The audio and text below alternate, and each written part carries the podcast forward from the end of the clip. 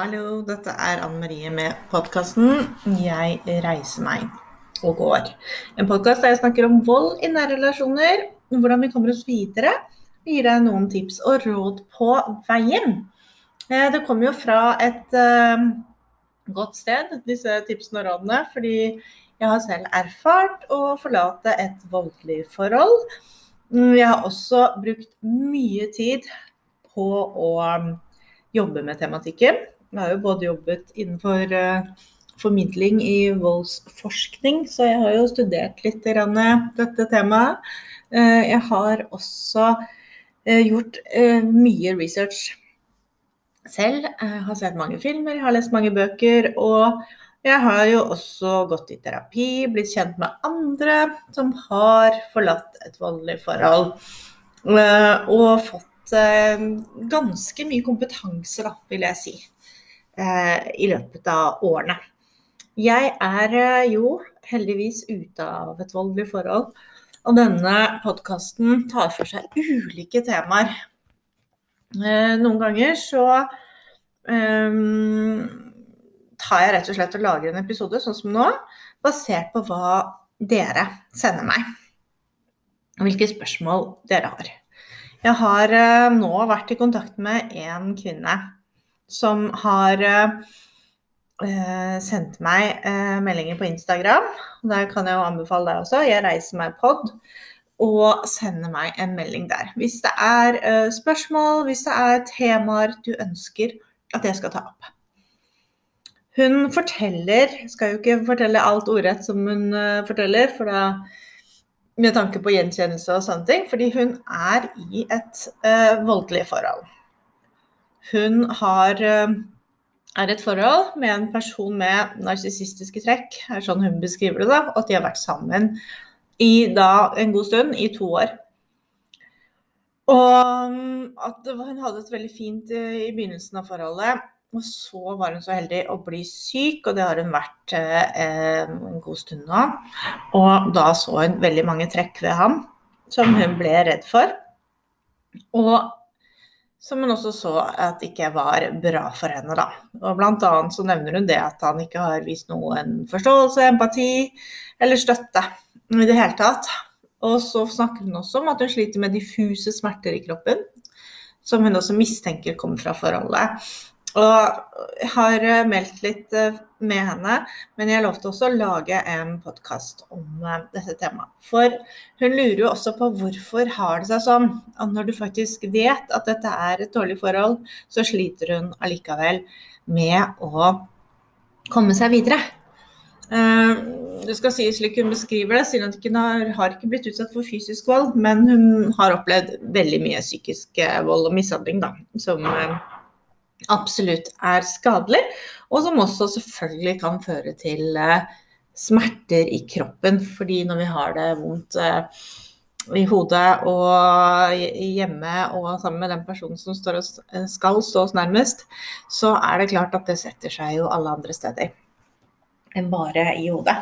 Så det husker jo jeg selv fra egne erfaringer, at jeg hadde mange ulike diffuse smerter som dukket opp. Og vet jo også veldig av erfaring at det handlet om hvordan jeg hadde det da. Ikke sånn psykisk. Så det er veldig vanlig at eh, man får symptomer på eh, altså kroppslige symptomer. Det kan være hva som helst, nesten. Det kan være ikke sant, migrene, eh, smerter, leddsmerter synsforstyrrelser, alle mulige ting som kan dukke opp veldig plutselig. Og angst, form for liksom panikk i kroppen, uro. Eh, det kan være nummenhet, det motsatte. Det kan, det kan være så mange ulike symptomer som kommer fordi man er i et voldelig forhold. Og det vil um, bare fortsette.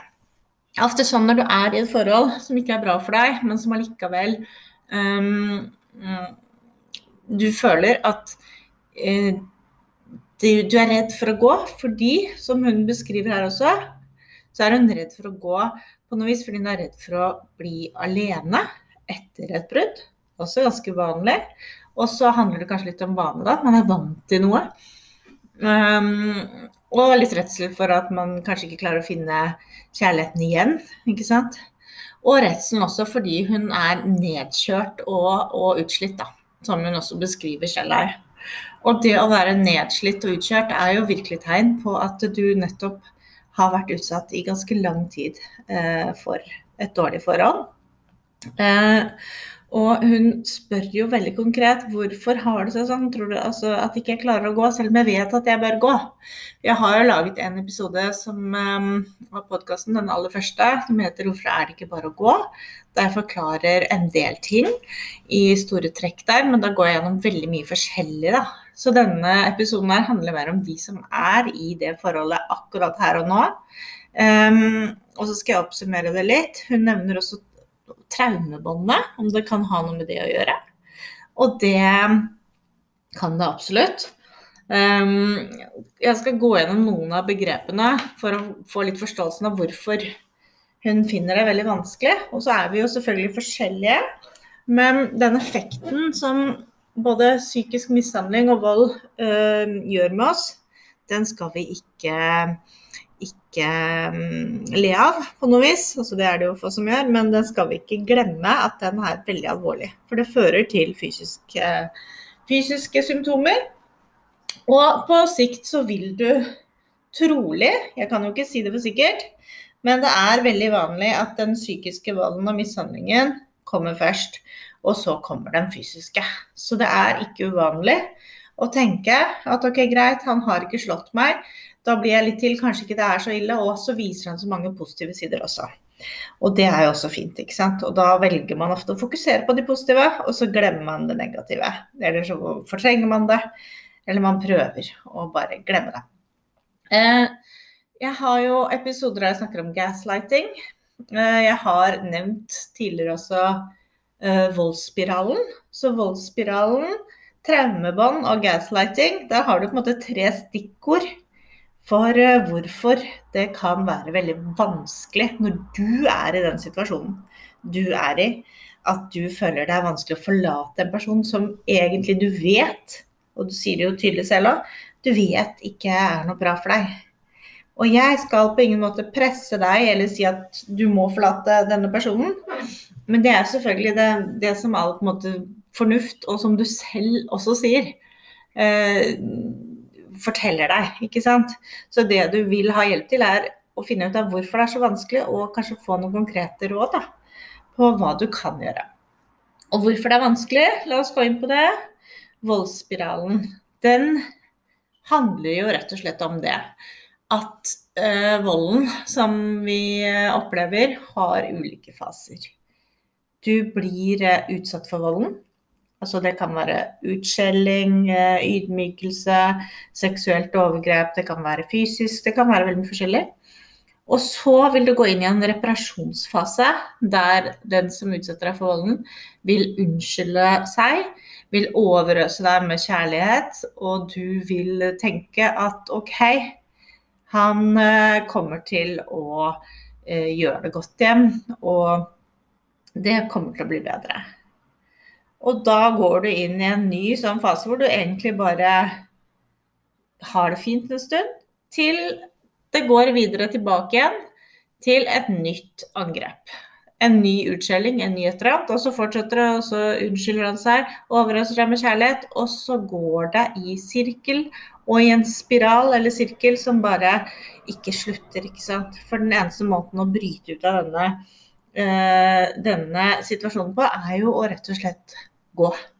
Fordi han vil alltid unnskylde seg. Han vil alltid komme med blomster, være overdrevent god og si at eh, du, du må bare unnskylde meg og sånt. Eh, og så vil det skje på nytt og på nytt. Og så går det, blir det det som er det skadelige også, når du er i den situasjonen, så er det det vi kaller for eh, den latente volden. Den som måtte ligger i lufta. Den som når du venter på et nytt angrep. Ikke sant? For én ting er den fysiske volden, men det er veldig mange som har vært utsatt for vold, beskriver, er jo den, eh, de episodene, eller den tiden imellom, imellom den fysiske, at den er på en måte enda mer, enda mer skummel. For da bare går du rundt og venter på at det skal komme, og du vet ikke når, men du vet at det kommer. Og det er så klart veldig veldig skadelig. Du går i konstant alarmberedskap, noe som gjør det med kroppen din, da. Som du kan eh, se for deg at du faktisk blir eh, svært eh, eh, nedkjørt, nedbrutt. Alle de tingene som ikke er noe bra. For når du går rundt og venter hele tiden, så hjelper det ikke at du har en liten periode hvor ting er kjempefint. For så kommer det et nytt utbrudd. Veldig, veldig skadelig. Ehm, det er voldsspiralen. Og så har vi gaslighting. Det har jo laget en hel episode om det òg, om hva gaslighting er. Det handler jo om øh, psykisk mishandling og manipulasjon. Altså at en person med vilje går inn for å forvirre deg fullstendig og få deg til å tro at din egen virkelighetsoppfatning begynner å bli svak. At du rett og slett sier og gjør gærne ting. Det er um, for å få deg til å tvile på deg selv. Det er for å få deg til å få en svært lav selvfølelse. Miste den um, styrken vi gjerne har i oss fordi du tenker ok, det er jeg som holder på å bli gal. Mens det fysisk er en person som går inn for på alle mulige slu og utspekulerte og forferdelige måter som man nesten ikke skulle tro var mulig, men som man bør åpne øynene for og tenke at ok, det er faktisk sånn det er som gjør dette med deg. Det er ikke du som blir gal, det er en annen person som, eh, som torturerer deg emosjonelt, da. Og det kan jo da, et eksempel sant, på det kan være at uh, dere har gjort en avtale, og så sier du ja, men du kom jo ikke, vi skulle møtes klokka da foran uh, på den plassen. Og så sier han nei, det har da vi aldri sagt. Nå tuller du, nå er det du som begynner å rote. Og så har han sagt det. Men så har han kanskje ikke skrevet i en melding, og så sier han bare at eh, nå roter du, nå tuller du. Altså han, han gjør noe konkret, og så påstår han etterpå at han aldri har gjort det. Eller sier noe, eller lover deg noe. Og så vil han motbevise det. Dette er eh, manipulering. Bevisst manipulering, og som over tid også skaper en veldig usikkerhet som gjør til slutt at man ikke orker å si fra. Mister på en måte en sånn fighting-instinkt. Og du begynner til slutt å stole veldig lite på deg selv. Mister den der selvfølelsen, den gode selvfølelsen, selvtilliten og ja, din egen eh, styrke, sakte, men sikkert. Og gaslighting er jo også noe som på en måte går sin gang eh, pga. isolasjon i et forhold jo mer du er alene med en person sant, over tid, jo vanskeligere blir det å se klart hva som foregår. Du trenger å komme deg vekk og bort for å forstå og virkelig få overblikk og se. Eller det at du får andre menneskers blikk på det forholdet du er i. For hvis du har en venninne som blir bekymra, så skal du også ta det innover deg istedenfor å bli sint. ikke sant? Men dette traumebåndet, som vi kommer til også nå, det handler jo om det emosjonelle båndet som overgriperen, den som utsetter deg for volden, har, du har til denne personen. Fordi det går jo mye ut på det samme, ikke sant. Den bevisste manipuleringen fra hans side, mens du hele tiden faktisk går inn og forsvarer han, fordi du jo i prinsippet er elsker han, er glad i han, og har blitt sammen med ham fordi han hadde mange fine, gode sider. Og du fornekter det han gjør overfor deg selv, overfor andre, og til og med så unnskylder du ham på en sånn enkel måte fordi du, du vil ikke se det. Fordi du rett og slett er glad i ham. Det er um, den, det traumebåndet som vi kan uh, oppleve så snakker man jo også om Stockholm-syndromet, som jo var en eh, var jo slik at en, et gissel får sympati for eh, gisseltakeren. Ikke sant? Og det er jo igjen det samme dette går på. Du får sympati for den personen som utsetter deg for vold, fordi du kanskje syns synd på han. Eh, kanskje han har hatt det vanskelig, eh, og du klarer å uttrykke det at du syns synd på han, selv om han egentlig er den som utsetter deg for vold. Og så vet du alt dette, og likevel så fortsetter det. Det er eh, det som på en måte er uh, ulempen og det tøffe og det vanskelige med akkurat det som uh, flere lurer på da, når de er i en situasjon at de ser og vet at forholdet er dårlig, men de klarer ikke å komme seg videre. Det er det emosjonelle båndet. Det er den følelsen som Også det at du blir overøst med kjærlighet, og at du til og med får en form for sånn derre dopamin-rush, eh, ikke sant?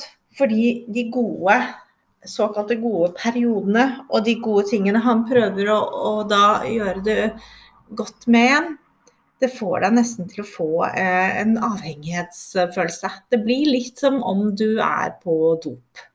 Altså om du er en heroinavhengig, heroinavhenger, så vil du jo kjenne på det. At du må ha stoffet ditt, ikke sant. Du må ha stoffet ditt for å føle deg bra. Eh, men de fleste som jo eh, ruser seg på sterkere eller mindre sterkere stoffer òg, de vet jo det at til slutt så, så, blir det jo en sånn overload av det nedturen ved dopet. Som jo ikke er rushet, ikke sant, men det er eh, all den eh, all den eh, avhengigheten og alt det vonde, alt eh, som kommer det mørke, de mørke sidene. Og det er jo det som også er det samme her i voldssituasjonen. Uh, at du kommer deg ikke videre. Fordi du vil aldri komme deg ut av det mørket. Den, det rushet du får, kanskje ved å være med han som i perioder gir deg mye kjærlighet og mye eh, oppmerksomhet det, det, er noe du liksom savner. Men det er jo bare noe som varer i en kort tid.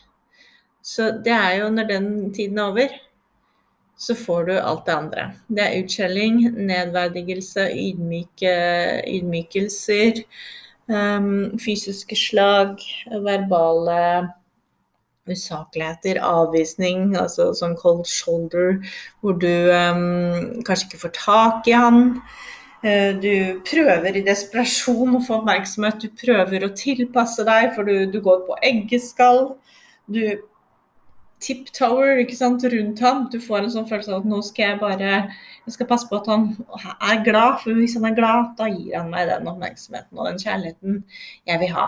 Men problemet er at det er da han som bestemmer og styrer absolutt alt over deg i forholdet. Og og du mister på en måte din egen både verdighet og selvrespekt, men også selvfølelse.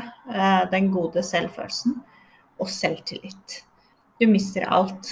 Og dette gjør du jo bare mer og mer jo lenger du er sammen med ham.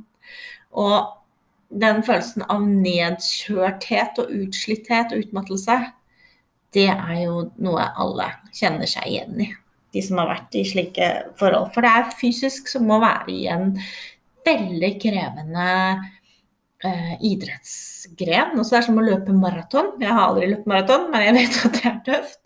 Men det er noe med det at du, du, um, du står i en nesten fysisk umulig situasjon. Uh, hvis du, la oss si at du aldri har løpt maraton, og så plutselig skal du gjøre det uten å ha trent en eneste gang. Og så klarer du det, men du klarer det med mange skader underveis. Det er kanskje litt det eh, å være et voldelig forhold. Du klarer det, og du fortsetter, men du sliter deg ut, og du sliter deg selv ut. Og det, det vil aldri ende godt. Det er det som er problemet. Det vil aldri ende godt. Uansett det håpet, ikke sant. Det der forbanna håpet. Fordi jeg elsker jo håp, men jeg hater også håp på den måten at du kan ikke håpe at en person som mishandler deg, eh, kommer til å endre seg. Han kommer aldri til det. Han kan komme med tillærte, innøvde ting som får deg til å tenke han har endret seg. Men så tar det noen sekunder, og handlingene er tilbake av verste art. Og det er ofte ting som er så såre og så vanskelig at man faktisk ikke orker å dele det med andre. Jeg har flere sånne opplevelser som jeg ikke hadde orket å dele i denne podkasten, faktisk. Men fordi de er så ja, nedverdigende og ydmykende. Um, og det er helt utrolig at man i ettertid, når man tenker tilbake, da for min del, for dette er jo lenge siden, at jeg klarte å, og holde meg gående. Og det er noe jeg vil si til alle. Skikkelig, skikkelig kudos og shout-out til alle som står i disse voldelige forholdene. Men blir værende i dem. jeg sier ikke at det, er, at det er noe bra å være der, men jeg sier dere er bare helt fantastiske heltinner. Nå snakker jeg til kvinner, men det er jo menn der ute òg. Men det er oftest kvinner som blir utsatt for vold fremdeles. Eh, så dere er noen fantastiske, sterke heltinner og bare sånn amasoner av krigere. Altså dere bare kjører på. Fordi det å bli utsatt for så mye dritt, det er det faktisk eh, Det skal du være sterk for å tåle. Og til slutt så tåler man ikke mer. Det er det som er problemet. Vi er sterke, men vi har alle en uh, grense. Og den grensen er det denne personen som ikke vil deg noe vel, til syvende og sist. Og grunnen til at han ikke vil deg noe vel, det er noen ganger ikke noe poeng å prøve å finne ut av engang. Fordi jeg tenker at du er ofte skadet selv når du ønsker å skade andre. Eh, og så får man ofte det sympati da, ikke sant, med overgriper. Fordi kanskje han har hatt en dårlig barndom eller har opplevd en del ting, og så er du et empatisk menneske som har medfølelse. Og så tenker du 'stakkars deg'. Men det er jo ikke sånn at selv om du opplevde noe fælt, at du skal videreføre det til andre. Det er jo heller det motsatte, i prinsippet. Du må bearbeide dine egne sår, og så må du vise det motsatte. Altså vise godhet og kjærlighet hvis du skal eh, leve et liv som eh, er godt og trygt for deg og andre. Så ja, hvorfor er det så vanskelig, spør hun og mange flere. Ja. Hvorfor er det så vanskelig å gå når du vet at dette forholdet ikke gir deg annet enn altså, utmattelse, nedbrutthet, fysiske symptomer i kroppen. Du føler deg så sliten, og jeg føler så med deg fordi jeg har vært der selv. Så jeg vet hva det går i. Jeg gjør det. Og, og, og det er Hvorfor er det så vanskelig å gå? Ja, for min del kan jeg liksom ikke si så mye, fordi jeg hadde en sånn hadde en sånn naiv følelse. Jeg visste lite om dette temaet. Jeg visste lite om psykisk vold og mishandling. Så jeg gikk rundt i, en, i et håp om at jeg skulle bli fysisk slått at volden skulle gå over til å bli fysisk. Og det ble den. Og det var for meg da tegnet på at nå må jeg gå. Men eh, hadde jeg hatt eh, den kunnskapen jeg har i dag eh, for lenge siden, så hadde jeg nok gått mye før. Fordi du skal ikke gå rundt og vente på at du heller ønsker å bli slått enn å eh, Fordi du syns det er vanskelig å gå, ikke sant? Sånn var det for meg. Jeg syns det var vanskelig å gå. Jeg hadde barn, jeg hadde en drøm om at vi skulle være en eh, kjernefamilie som fungerte. Jeg hadde bare liksom kjærlighet å gi til alle. Og så satt jeg igjen med noe som jeg ikke skjønte hva var, som var så, eh, så tungt og tøft. At jeg, jeg, har kanskje fortrengt og glemt mye av det nå, hvor ille det var. Men det var veldig ille. Og jeg, det er ikke det at jeg skal snakke så mye om meg og min fortid, men, men, men, jeg skjønner hva du står i. Fordi jeg følte jo også at jeg mistet veldig mye av det jeg selv eh, ønsket. ikke sant? Det er brutte illusjoner. Illusjoner om noe som ikke ble slik du ville at det skulle bli. Så jeg tror det ofte også er grunnen til at ikke vi klarer å ta det helt inn over oss. Og så tenker vi at OK, jeg vet hva jeg har nå, så da blir jeg. Eh, og så går det, for det bare går litt til. Men problemet er at uansett, hvis du bare blir, så vil du bare bli mer og mer sliten. Det er det eneste at det er du som må bestemme. Og hva ditt vendepunkt er. Jeg har også laget en episode som heter Vendepunktet. Og jeg snakker mer om mitt vendepunkt. Men hva ditt vendepunkt er, det er det også eh, sånn sett bare du som kan finne og vite. Men jeg ønsker jo for din del at du finner det vendepunktet så fort som mulig, da. For det, du trenger ikke å bli så sliten, og du er allerede sliten. Og det, det går bare nedover med en person som, eh, som er voldelig. Du, du kommer til å, å, gå og leve i en konstant frykt, da hvis du fortsetter å være i dette forholdet. For du kan kanskje tenke at ok, nå er han plutselig så grei, og alt er så fint og flott. Men samtidig så husker du alt du har vært utsatt for, og så vil det komme. Og da går du rundt med den der latente alarmberedskapen, den latente volden som er og forblir, og så plutselig kommer det pang. Og da hjelper det ikke at du på en måte prøver og prøver. For det vil bare skade deg. Det vil ikke gjøre noe annet enn å skade deg. Så jeg anbefaler jo alle som er skikkelig usikre, og som fortsatt sitter her og tenker, er på gjerdet om at skal jeg gå, selv om jeg vet at ikke det er bra, så lytt til omgivelsene dine. Altså har du venner, familie som sier han er ikke bra for deg, og du vet det, ja, så, så lytt til dem. Ta det til deg. Ikke isoler deg. Ikke forbli i isolasjonen. Bryt ut for å nettopp søke kunnskap. Lytt til sånne ting som du gjør nå. Podkaster, les bøker. Gå inn på YouTube, google, google voldsspiralen, traumebånd, gaslighting, eh, Stockholm-syndrom. Eh, google aggressive menn, google eh, psykopatiske trekk, google alle de tingene som gjør at du kanskje får det helt svart på hvitt. Eh, sånn skriftlig også, at det du er utsatt for er skadelig, det er farlig. Det er deg selv, det er ditt liv, det er du som må ta ansvar for ditt liv. Og det er veldig vanskelig når du på en måte prøver og prøver, og du vet. Jeg vet det, det er kjempevanskelig. Men det er det du må gjøre, du må søke kunnskapen. Og syns du det likevel er vanskelig, så anbefaler jeg deg å gå i terapi, hvor du rett og slett snakker med en psykolog om hva du er utsatt for. Og og få hjelp der. Noen sånn terapeutiske grep. Fordi jeg er jo ikke terapeut, og jeg er ikke lege, men jeg har jo mange erfaringer. Jeg er jo formidler og journalist, så det er jo ikke det samme som det en terapeut kan gjøre i et terapirom. Ikke sant? Det må du ikke undervurdere.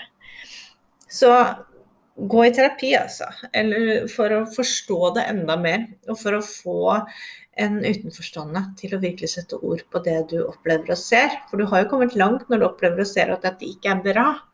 Og så setter du opp en plan for hvordan du skal komme deg ut av forholdet. Det jeg også laget en episode på. Nå må du også være sikker på at du er um, For selv om, som mange sier, at ok, han er ikke fysisk voldelig, så kan det plutselig komme. Og det er eh, sånn det er at hvis du har blitt utsatt for eh, psykisk vold og mishandling over lang tid, så er det ikke så langt unna den fysiske, den fysiske volden. Dessverre. Så da er du også nødt til å være bevisst på dette når du skal forlate volden. For det kan være farlig å forlate et voldelig forhold. Og derfor må man ta alle forhåndsregler overhodet mulig. Jeg skjønte ikke hva slags fare jeg var i, før jeg fikk det på en måte helt konkret eh, fortalt og, og opplevd en del ting. Da, da, plutselig skjønte jeg det. Men det er ikke alltid du skjønner det der hvor du er. Du tenker ja, men dette er jo bare et vanlig brudd på noe vis, men det er ikke det. For du vet heller ikke hvor ustabil denne personen som du er sammen med, og som du nå eh, tilsynelatende elsker, du vet heller ikke de, de, alle de tingene den personen kan gjøre. Derfor er det veldig viktig at, å forberede seg på å gå når du først har bestemt seg så må du lage en ordentlig sånn fluktplan. Ikke gjør dette helt sånn på impuls. Det anbefaler jeg deg ikke, fordi det er fint å ha tenkt gjennom det. Oppsøk hjelp, oppsøk krisesenteret, kontakt VO-linjen, eh, Mental Helse sin chattjenester. Eh, det finnes mange døgnåpne steder. Pass på at du ikke eh, skriver ned ting eller etterlater deg spor som, kan, som han kan finne. For det er, i hvert fall når du ikke har forlatt han ennå, så er det viktig å tenke på sikkerhet. For det kan også nettopp sånne ting kan utløse eh, aggressive utbrudd for hans del. Hvis han ser at du prøver å planlegge å komme deg vekk. Vekk må du, men det er en annen episode. Dette har handlet om hvorfor er det vanskelig å komme til det punktet at jeg forlater ham. Men å forlate ham, det er også en annen ting. Det må du. Fordi det er ditt liv. Eh, det er din tilværelse. Og det er du som blir så neddratt og, og, sliten. Og jeg har sett det, og jeg har opplevd det selv. Og jeg har sett det hos andre. Og det er som å få et nytt liv i gave. Eller du kommer tilbake til deg selv igjen når du kommer ut av det voldelige forholdet. Så lenge du tar de forhåndsreglene, tenker sikkerhet, trygghet, så lover jeg deg at du vil få det så mye bedre. Men dette her er fortsatt opp til deg. Det er ingen andre enn deg som kan gjøre det. Ikke sant? Vi kan støtte deg andre mennesker rundt som har vært der og er der for deg. Send meg melding igjen hvis du lurer på noe mer. Nå vet du i hvert fall hvorfor det kan være vanskelig. Men det er mulig. Så jeg er her, og jeg heier på deg. Ha det bra.